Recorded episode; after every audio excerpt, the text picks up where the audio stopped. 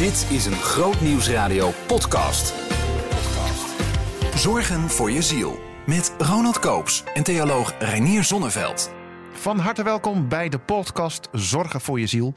De wekelijkse podcast van Groot Nieuwsradio, waarin ik elke week met Reinier Zonneveld in gesprek ga. Hij is schrijver en theoloog over dingen van de binnenkant. Dingen die met je ziel te maken hebben. Want wat is nou wijsheid voor je ziel? Reinier, goeiedag. Goeiedag. Ja, het is een beetje gek met zo'n podcast, zeg je nou. Goedemorgen, goedemiddag. Goeie Ja. altijd. Goeie altijd. Goeie altijd. Onderwerp van deze podcast is omgaan met twijfels aan je geloof. En Ja, volgens mij is het een onderwerp wat toch wel breed leeft hè, onder veel christenen. Ja, zeker. Eh, Dus ik, ik, ik kom het regelmatig tegen. Het, er zit ook wel eens een taboe op. Hè? Dus ik hoor ook wel dingen als van ja, twijfel is, is afval eigenlijk. Dat wordt dan dat eigenlijk een soort one-liner die wel een beetje... Twijfel is afval. Zo van, Ja, ja, dus twijfel is ongeloof dan dus ook. Dus op het moment dat je, op het moment dat je niet voluit gelooft, dan hoor je dus bij de andere partij. Nou, Oh. dat maakt het allemaal heel eng. Ja. En, en dan, eh, Ja. dus ja, laten we daar iets aan gaan doen met deze podcast. Wat is jouw eigen ervaring als het gaat om eh, geloofstwijfel? Ja, dus ehm, nou, ik ben ik, ik- gewoon keurig en lief gereformeerd eh, opgegroeid. Keurig en lief gereformeerd. ja, nou, ik Ja. wil maar zeggen dat het niet een soort, eh weet ik van wat, een eh Nee. Frank en Treuren verhaal is, zeg maar. Nee, precies. gefrustreerd ben of zo. Maar als twintiger kwam ik niet in een kerk of, of alleen voor bruiloften, zeg maar. En, en dat had wel alles met twijfel te maken. Dus ik vond het toen ook wel, wel vaak lastig om een gelovige te noemen. En langzamerhand druppelde dat geloof weer toe. Maar ja, ik vind het. Ik, het twijfel is wel gewoon een onderdeel van, van wie ik ben en hoe ik geloof. Dus ik, ja, ik kan God ervaren en ik kan God dagelijks ervaren. Maar het is ook altijd, en, en er zit ook altijd wel een zoektocht bij. Ja. Wat, wat is nou het verschil tussen twijfel en geloofstwijfel? Nou ja, eigenlijk niet zoveel. Eh, en dat is misschien wel het, het, het belangrijkste om, eh, om te realiseren. Dus ik merk dat geloofstwijfel. Dat, we, dat veel christenen vinden twijfel eigenlijk heel normaal, maar geloofstwijfel een beetje eng. En, Nou ja, en dat is dan meteen een soort verdacht of zo, hè? Ja, terwijl Ja. we twijfelen de hele dag. Het is gewoon hoe we zijn aangelegd. Het kan eigenlijk niet anders dan dat we de hele dag twijfelen. Noem eens een voorbeeld van dagelijkse twijfel die heel gezond is. Eh, nou ja, eh, wij liepen net een ommetje. En dan eh, zit je op een gegeven moment te twijfelen. Oh, zullen we nou naar links of naar rechts gaan? Ja. Volkomen normaal. Ja. Weet je wel, terwijl ik nu praat, twijfel ik zo nu en dan welke afslag ik neem in mijn zin. Om het zo maar te zeggen. Twijfel ik even, oh, ga ik nou dit woord of dat woord gebruiken? We doen het voortdurend en de hele dag. En je kunt het ook meten op. eh, je, hebt, je hebt van die mooie hersenscans, die ken je wel. Hè? Dus dan Ja. vlammen bepaalde dingen op eh, waar veel bloed is, zeg maar. Hè? Maar, maar, twijfel. Ja, je kunt het zien. Dus op het moment dat iemand zeker is van, eh, van iets, dan, dan vlamt er eigenlijk vrij weinig op. En maar één gebiedje. Op het moment dat iemand twijfelt, zie je meerdere gebieden wisselend opvlammen. Dus wat het Ja, eigenlijk is, is dat je dan even een impuls hebt van ja, ik moet dat doen. En vervolgens heb je een impuls, ja, ik moet dat doen. Oftewel, je hebt meerdere eh, informatie die op andere, eh, Ja. die voor- op andere keuzes wijzen. Ja, je gaat even bekijken welke situatie, eh, wat, wat ga ik nu doen?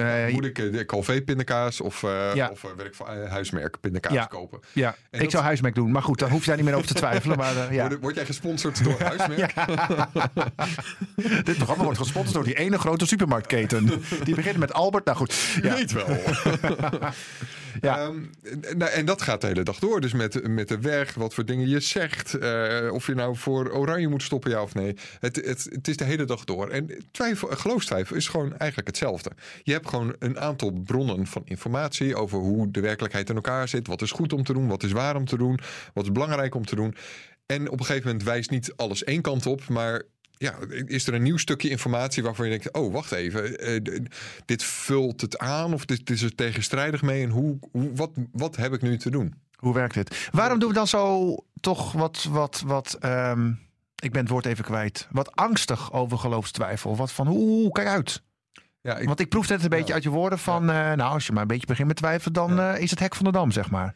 Nou, het heeft denk ik in elk geval met twee dingen te maken. Het heeft er op zijn minst mee te maken dat. eh, nou, het heeft met heel veel dingen te maken. Maar laat ik in elk geval. Kijk, weer zo'n twijfel, hè? Oh, vermoeiend. Ik, ik kan nu echt serieus volgens mij vijf dingen.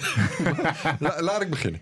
Eh in elk geval vinden eh, voorgangers en leiders het soms een beetje ingewikkeld. Omdat ze, omdat ze, ik zie en merk dat voorgangers en leiders het gevoel hebben op het moment dat je aan geloof twijfelt, je eigenlijk aan hun twijfelt en hun gezag of aan hun positie.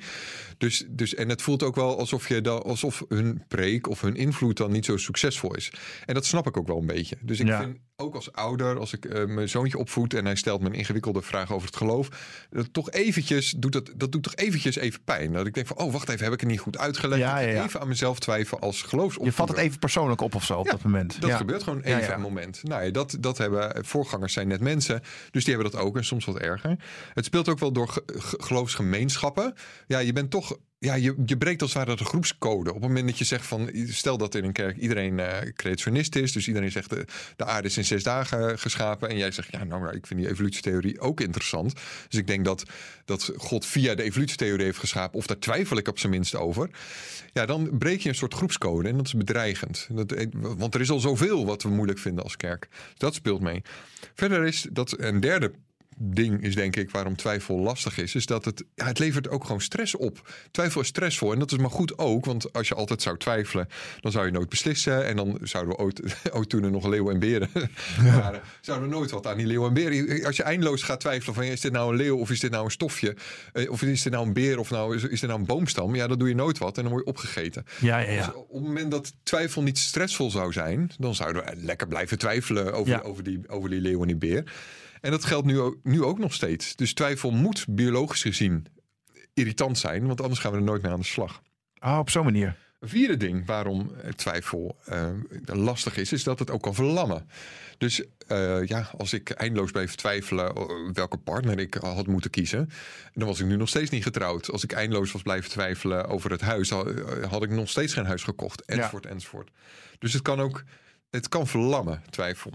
En ik denk, wat we allemaal aanvoelen is op het moment dat, dat, dat zou een vijfde ding zijn, op het moment dat we twijfelen, dan ja, je kunt veranderen. En dat kan ook verkeerd aflopen in de zin dat je iets kiest wat eigenlijk onjuist blijkt. Ik, ik had de verkeerde partner kunnen kiezen. Ik had het verkeerde huis kunnen kopen. Maar of daar- een hele vervelende precies. kunnen hebben. Of wat dan ook. Dus er, er speelt altijd bij twijfel een dreiging. Van oké, eh, ja, je kunt op een betere plek terechtkomen dan nu. Maar ja, wacht even. eh, Er openen zich nu ook heel veel mogelijkheden. Misschien kom ik wel op een slechtere plek terecht dan nu.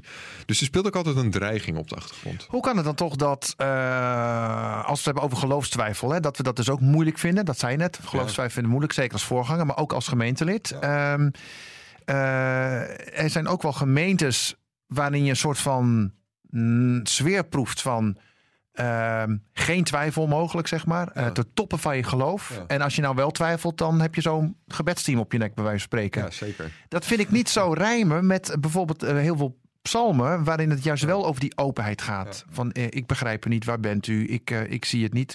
Hoe kan dat? Waarom vinden we het dus moeilijk kennelijk om kwetsbaar te zijn?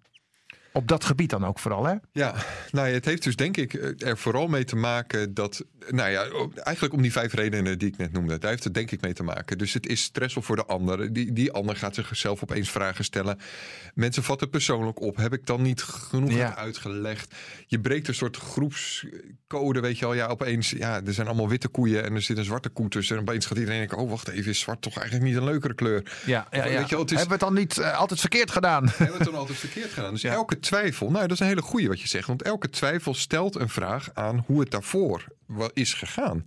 Oh, Ja, dus, dus elke nieuwe generatie die dus bijvoorbeeld ook zegt... ja, weet ik veel, eh, ik twijfel eh, of de liedjes nu wel de leukste liedjes zijn om... Ho, ho, ho, ho, ho, ho, Ja. ho.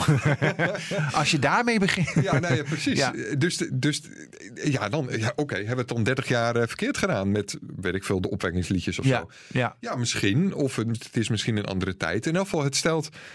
Ja, het is elke... Maar dat, dat vinden veel voorgangers ook moeilijk op categorisatie bijvoorbeeld. Hè? of dat, dat jongeren vragen stellen. En dat weet jongeren soms. Denk, nou, ik stel me geen vragen, want ja, weet je wel. En dat is eigenlijk jammer. valt het allemaal zo persoonlijk op. Ja, en, ja. en het is allemaal zo kwetsbaar en allemaal zo moeilijk, moeilijk, moeilijk. Ja, maar eigenlijk zeg jij vragen stellen is prima. Is, Nou, al was het maar omdat er eh, dus niet alleen vragen stellen. Dus wat ik zo interessant aan een psalmen vind, is dat er ook heel veel emoties naast elkaar staan. En dat is denk ik uiteindelijk wat twijfel is. Het, weet je wel, er wordt in dezelfde psalm geklaagd en gejubeld. ja, ja, ja. Eh, Dat is wat twijfel is. Ja. Dat zijn gewoon de twee, zoals je op een hersenscan bij die David. Ja, ja, ja. Zou het dan even zijn dat de, linker hersenhelft bij wijze van spreken opvlamt. En dan eh, vervolgens Ja. later in een psalm de andere hersenhelft. Dat is twijfel. Je weet even niet of je moet juichen of moet klagen. Nou, de ene keer juich je en de andere keer klaag je. En dat kan naast elkaar staan. En in een psalm gewoon onder hetzelfde kopje staan. ja, het heeft dus ook wel. ehm, ehm, Ik wou zeggen, het heeft voordelen, daar hebben we het zo over. Maar ik bedoel, je bent ook kwetsbaar. Je bent ook eerlijk. Dat woord zocht ik. Als je je twijfel openbaar maakt, dan ben je in ieder geval eerlijk naar jezelf en naar anderen toe. En je zult, er, je zult er iets mee moeten. Het is Ja. gewoon een onderdeel van, jou, van jou. En Ja. het biedt dus ook heel veel kansen. En nou ja, je, beg- je begon al over dat het voordelen heeft. Ja, welke voordelen heeft het dan? Nou Eh, ja, wat ik veel zie, in elk geval zelf heb meegemaakt en, en ik regelmatig bij mensen zie, is op het moment dat je twijfelt, eh, het is ook het moment dat je heel gaat nadenken en heel op zoek gaat. Dus wat er gebeurt is, eh, op een gegeven moment gaan de dingen zich verdiepen. Weet je wel, een, een onbetwijfeld geloof is ook heel, heel snel een oppervlakkig geloof. Omdat Oh ja. je nooit, ja, je hebt nooit er verder over hoeven nadenken, je hebt het nooit verder hoeven te onderzoeken. ja, zo is het, zo geloven wij het, klaar. ja, Ja. dus dat is nou eenmaal maar zo. Maar het heeft nooit contact gemaakt, zou ik maar zeggen, met andere gebieden in je leven. En je hebt nooit andere paadjes in je hersenen, om het zo maar te zeggen, afgelopen. Dus een, een betwijfeld geloof is, wordt ook op een gegeven moment een, een bedraad geloof of een geworteld geloof, Ja, ja, ja. zo maar te Ja. zeggen. Nou, dat is. Dus het wordt doordachter, het wordt minder automatisch, het wordt doorleefder. Nou, dat is denk ik het grootste voordeel van, en daarmee dus echter. Dus het is, nou, dat in elk geval. En ik, Maar wij hoeven dus ook niet bang, of wij, ik zeg even wij, zeg maar, als, als, als gelovigen bijvoorbeeld naar andere mensen die twijfelen. Wij hoeven dus ook niet bang te zijn voor twijfels of voor vragen van anderen. Nou ja, sterker nog. eh, dus ja, het is een kans om te verdiepen. En ook een kans voor jezelf om te verdiepen en authentieker te worden. Maar je ziet het ook Jezus doen. Een heel, heel spannend, interessant voorbeeld is de, ja, je zou het de woestijntest kunnen noemen. Dus hij zoekt dan eigenlijk 40 dagen twijfel op. En we vinden dat zo ingewikkeld om het woord twijfel bij Ja, maar Jezus. dit vind ik heel gek gezegd. Ja. Hij zoekt 40 dagen twijfel op, zeg jij. Nee, maar dat, dat gebeurt er. Hij voert dus gewoon hij voert een heel intens gesprek met, met zijn demonen. Om het hè, dus Ja. Satan staat er dan. Dat, dat gebeurt er. Dus hij gaat zichzelf onder druk zetten. Van is, is, dit wel, is dit wel wat ik geloof? En hoe werkt het dan? Maar is dat denk je zijn doel ook geweest? Want hij zal het soort van gepland hebben of zo. van dit dus ga ik doen. bewust. eh, Dus hij wordt gedoopt. En eh, vervolgens gaat hij. Gaat hij, dus hij weet nu gaat het beginnen. En vervolgens gaat hij 40 dagen de woestijn in. In zijn eentje. Nou, zonder eten, in, in je eentje. Nou, dan weet je dat er getwijfeld gaat worden. En Ja, dan word je kwetsbaar. Ja. En ik merk Dus dat. we- Jezus ging ons daarin voor, zou je kunnen zeggen. Ook in die twijfel. Ja. Ja, en Hmm. ik merk dat op het moment dat je het worstelen noemt, dan vinden we het op een manier wel kunnen. Van ja, hij worstelde, maar twijfelen vinden we op een manier het kunnen. Nou, dat is heel. Ja, Jacob worstelde met God. Mooi. Jacob twijfelt op God. Nee. Jezus, nee, precies. Weet je, Jezus was echt God, maar was ook gewoon echt mens. En bij een echt mens hoort gewoon twijfel. Het was niet eens dat hij, dat hij opeens dat, dat stukje mens, weet je, kon uitschakelen. Dat is, dat Ja. is zo, dan zou hij geen echt mens zijn geweest als hij niet twijfelde. Dus wat er gebeurt, is dat hij zichzelf als het ware onder druk zet. Van oké, kies je de makkelijke weg of kies je de moeilijke weg? Kies je de weg om, via een soort bovennatuurlijke trucjes, om het zo maar te zeggen, eh, het, het even wat eenvoudig te hebben? Of ga je voluit eh, mens zijn eigenlijk, waarbij er dus geen sluipweggetjes zijn? Nou, dat is, eh, maar Gethsemane, idem dito. Gethsemane, wat is dat anders dan twijfel? We kunnen het wel vroom worsteling noemen, maar ja, het, er zitten gewoon... Weet je, hij vraagt gewoon aan God: kunt u deze beker niet van me? Dus hij overweegt serieus. Ja, dus hij, hij, eigenlijk zegt hij, ik, ik twijfel of dit wel een goed plan is, nu ik er zo vlak voor Tuurlijk. sta. En, en, je, en- hij het zit serieus aan God te vragen. Het is niet een spelletje dat hij aan God vraagt: wilt u deze beker van me afnemen? Hij overweegt serieus de optie: moet ik nou wel gekruisigd worden, ja of nee? En dan op een gegeven moment in dat proces zie je hem die avond, die nacht, zie je hem omslaan naar: oké, niet mijn wil gebeurt, maar uw wil gebeurt. Dus niet mijn wil, maar uw wil. Dus dat is, dat is wat twijfel is. En daar heeft hij dan op een gegeven moment de keuze in gemaakt. Maar het was dus eerst zijn wil tegenover Gods wil. Dat, kan, Ja, dat ja, was ja. het. Hij, wil, hij wilde, natuurlijk wilde hij niet. Hij was doodsbang daarvoor. Hij, hij zweette als bloeddruppels. Ja. Dus dat, is- wat is dat anders dan twijfel? Maar op een manier hebben we zo'n taboe op twijfel. Dat kunnen we ons niet voorstellen. We hebben zo erg dat geframed als twijfel is ongeloof. Ja, dan dat kan niet. eh, Ja. Bij, maar twijfel hoort gewoon bij geloof. Het Jij- is worstelen. Wat is nou het beste? Ja, nou dat. Twijfel is taboe, zeg jij net. Is het daar dus ook niet vaak of misgegaan? En gaat het daar niet ook vaak mis? Dat inderdaad een jongere generatie stelt, hadden het net ook al even over, stelt vragen over Ja. bepaalde dingen die nu eenmaal zo gaan. En zeggen waarom? En wij zeggen gechargeerd om toch. Weet je, daar zijn ook heel veel dingen kapot meegemaakt. Dat, dat jongeren, of andere mensen misschien wel, zich niet gehoord eh, of gezien vonden. En dus een echt deel van jouzelf eh, mag er dan niet zijn. Nou ja, dan op een gegeven moment zeg je: oké, dan mag ik er dus niet zijn. Ja, ja, ja. Dat is wat veel jongeren gebeurt. Je stelt een vraag, dat is een reëel deel van jou. Er komt die vraag uit voort. Weet ik veel waarvan. Is dat nou eerlijk? Weet ik veel. En jongeren stellen natuurlijk veel vragen over de hel. Eh, is dat nou eerlijk? Nou, dat is een reële vraag. Dat is een, is een reële vraag om jezelf af te vragen of, of, of zo'n straf, en vooral zo'n lange straf, of dat nou eerlijk is. Die, die, dat rechtvaardigheidsgevoel komt ergens vandaan. Dat zit diep bij mensen. Mhm. Op het moment dat die vraag niet gesteld kan worden, of welke vraag dan ook, ja, dan kan jij er dus niet zijn. Nou, Ja, dat, ja. En dat voelen mensen donders goed aan. Ze weten, oké, eh, oké, we moeten allemaal in de pas lopen. En, en eh, de, de, de, de voorganger is doodsbang voor werkelijke vragen. Ja, eh, oké, ja, dan is hier dus geen plek Ja. voor mij. Zou het ook zo kunnen zijn dat iemand die twijfel etaleert, dat de andere partij denkt van. Eh, dit vind ik spannend, want daarmee, ik weet niet alle antwoorden. Dat hoor je ook wel eens? Tuurlijk. Oeh, twijfel. Ja, maar ik weet niet alle antwoorden. Ja, en, en, en dat is ook zo. Dus het gaat ook op het moment dat een ander een serieuze vraag stelt, ga je ook altijd zelf even twijfelen. Dus je wordt daar gewoon onzeker van. En dat is een rotgevoel. We hadden het net over vijf nadelen van twijfel. Nou, dat, er zijn, eh, dat, Ja. is, dat is een van de nadelen. Ja. Je wordt er zelf onrustig van. Je wordt geconfronteerd met de eigen gaten in je kennis, je eigen onmacht, je eigen angsten. Ja, dat is een ding. En, en ja, je kunt ook er zelf van veranderen. Dus we zijn ontzettend beïnvloedbare wezens. En je kunt zelfs nog de situatie krijgen, en er zijn ook genoeg kerken wel van in Nederland, waarbij twijfel zelfs een norm wordt. Dus je mag eigenlijk niet al te zeker geloven. Dus dan Oh, dat is weer de slinger andere kant. andere kant op. Ja, dat vind ik dan. eh, nee. Dat vinden we dan ook weer verkeerd. ik heb wel eens gehoord: twijfel maakt je zachtmoediger. Reageer er eens op? Nou ja, dat is denk ik een van de vo- andere voordelen van twijfel. Dus ik denk dat twijfel le- leidt tot een authentieker geloof. Maar ik denk dat het ook tot een wat zachtmoediger mens leidt. Want op het moment dat je, zal ik maar zeggen, contact hebt met je eigen twijfel en niet alles zeker weet, dan snap je dus ook beter hoe anderen in elkaar zitten. Je snapt gewoon waar het vandaan komt. Ja. Als iemand een beetje zit te wurmen en onhandig zit te doen of bang zit te doen of het allemaal niet zo weet. Dat snap je, want je hebt het, dat eigen proces misschien afgerond, maar je herkent het. Je herkent het wel. Dus Je hoeft het. je hoeft niet in de verdediging te gaan. En je mag het misschien loslaten. Nee, zeker. Ja. Hey, hele rare vraag misschien. Maar kun je groeien in het omgaan met twijfel? Ja, dus het- het- ik vind dat je het wel mooi formuleert. Want het is dus niet, je- gelukkig, laat maar zeggen, vraag je niet... hoe kom ik zo snel mogelijk van Ja, precies. Het moet weg. Want daarmee zou je dus echt die voordelen mislopen. Want het heeft voordelen. Hè? Je wordt er authentieker van. Of dat kan in ieder geval, zei, zei ik net. Het, je wordt er zachtmoediger van. Een Ja, dat heb je nog honderd keer gezegd. Dat weten we nu wel. Laat ik nog één voordeel noemen. Ja, nog een nieuwe. hè? ik, denk dat je, ik denk dat je ook echt nieuwe dingen kan ontdekken. Dus ja, weet je wel, twijfel kan leiden tot ongeloof. Of dat je echt stomme Ja, dingen ja gaat dat doen. is natuurlijk ook realiteit. Maar goed, ja. Maar je kunt er ook echt van groeien. Dus ik, ik, ik- en om het anders te zeggen, ik denk dat twijfel een soort startmotor is. Twijfel hoort bij elk proces van groeien. Het is een groeipijn, om het nog Ja, te ja.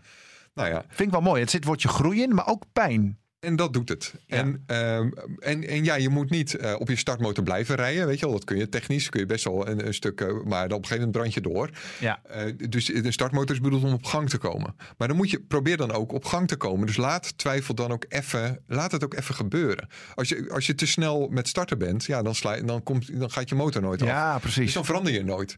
Dus hoe kan je nou goed met twijfel omgaan? Want dat is je vraag. Ja, een half uur geleden vroeg ik dat ongeveer. Ja, want jij wil altijd meteen weten hoe het praktisch ja, ik heb gewoon niet veel met theologie en zo. hè. Dus in de eerste minuut wil je al zeggen van ja, we hebben het over een onderwerp. Renier, Ja. zeg maar meteen. Wat ja, is de oplossing? Ja, precies. Ik vind een half uur ook veel te lang. Maar goed. eh, Dus mijn eerste advies is laat het gewoon even. Oké. Laat het gewoon even gebeuren. Ga, en, en, dus onderzoek het. Onderzoek de andere optie ook reëel op een gegeven moment. Stel dat je twijfelt over is de aarde wel in zes dagen geschapen en is, is, heeft God niet misschien toch via evolutie geschapen?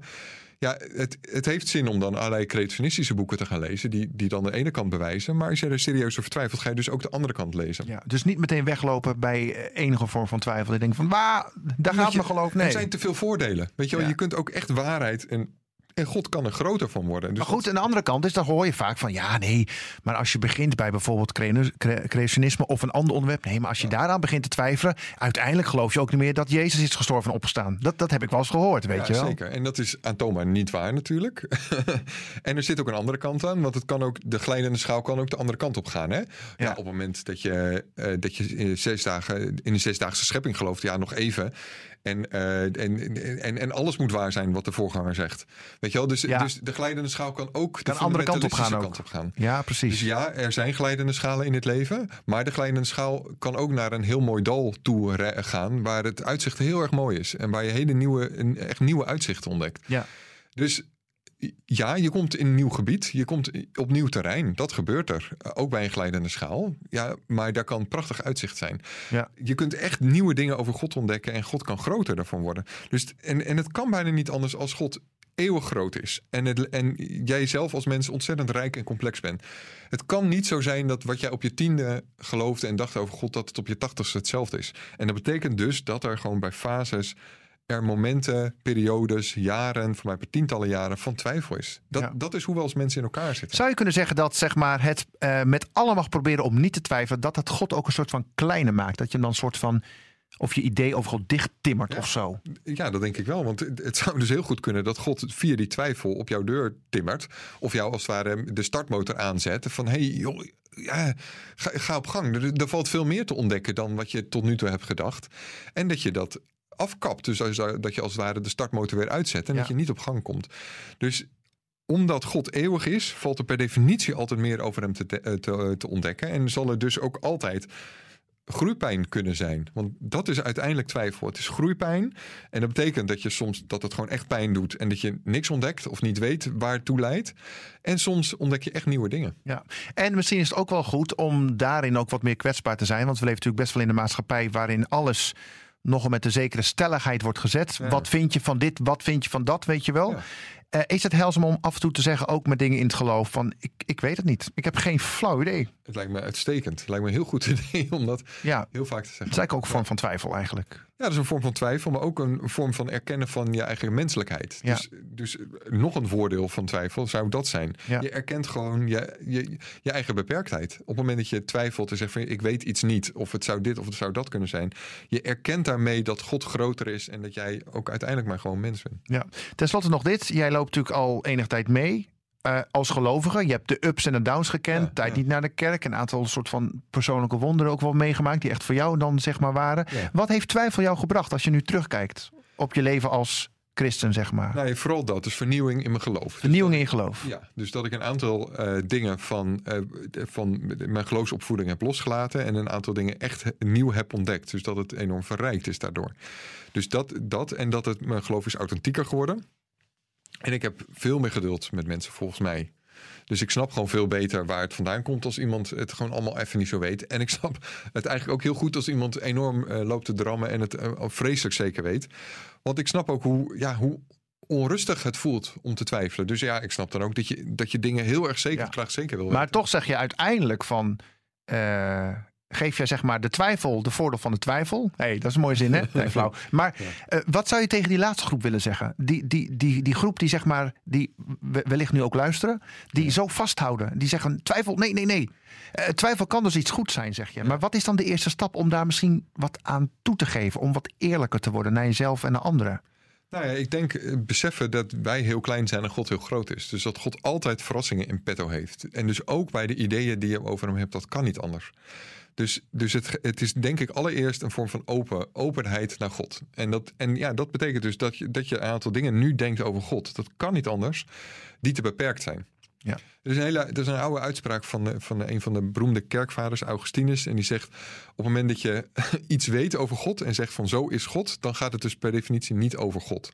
Wauw, En dat is wel een hele scherpe, ja. ja, hij is heel scherp en hij heeft heel veel dingen over God beweerd in zijn leven. Dus hij heeft hele dikke boeken geschreven over God. Maar dat is, die zet het op scherp. En, dat, en, Ja. en daar zit heel veel wijsheid in.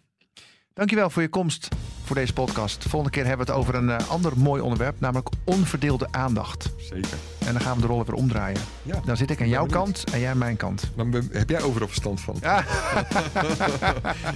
Steek hem in je zak, dat compliment. hey, tot de volgende keer, hè? Hey, hoi, hoi. Hoi, hoi. Luister ook elke vrijdag naar de rubriek Zorgen voor je ziel in de Nieuwe Morgen. Bij Groot Nieuws Radio. Behoefte aan meer? Grootnieuwsradio.nl slash podcast.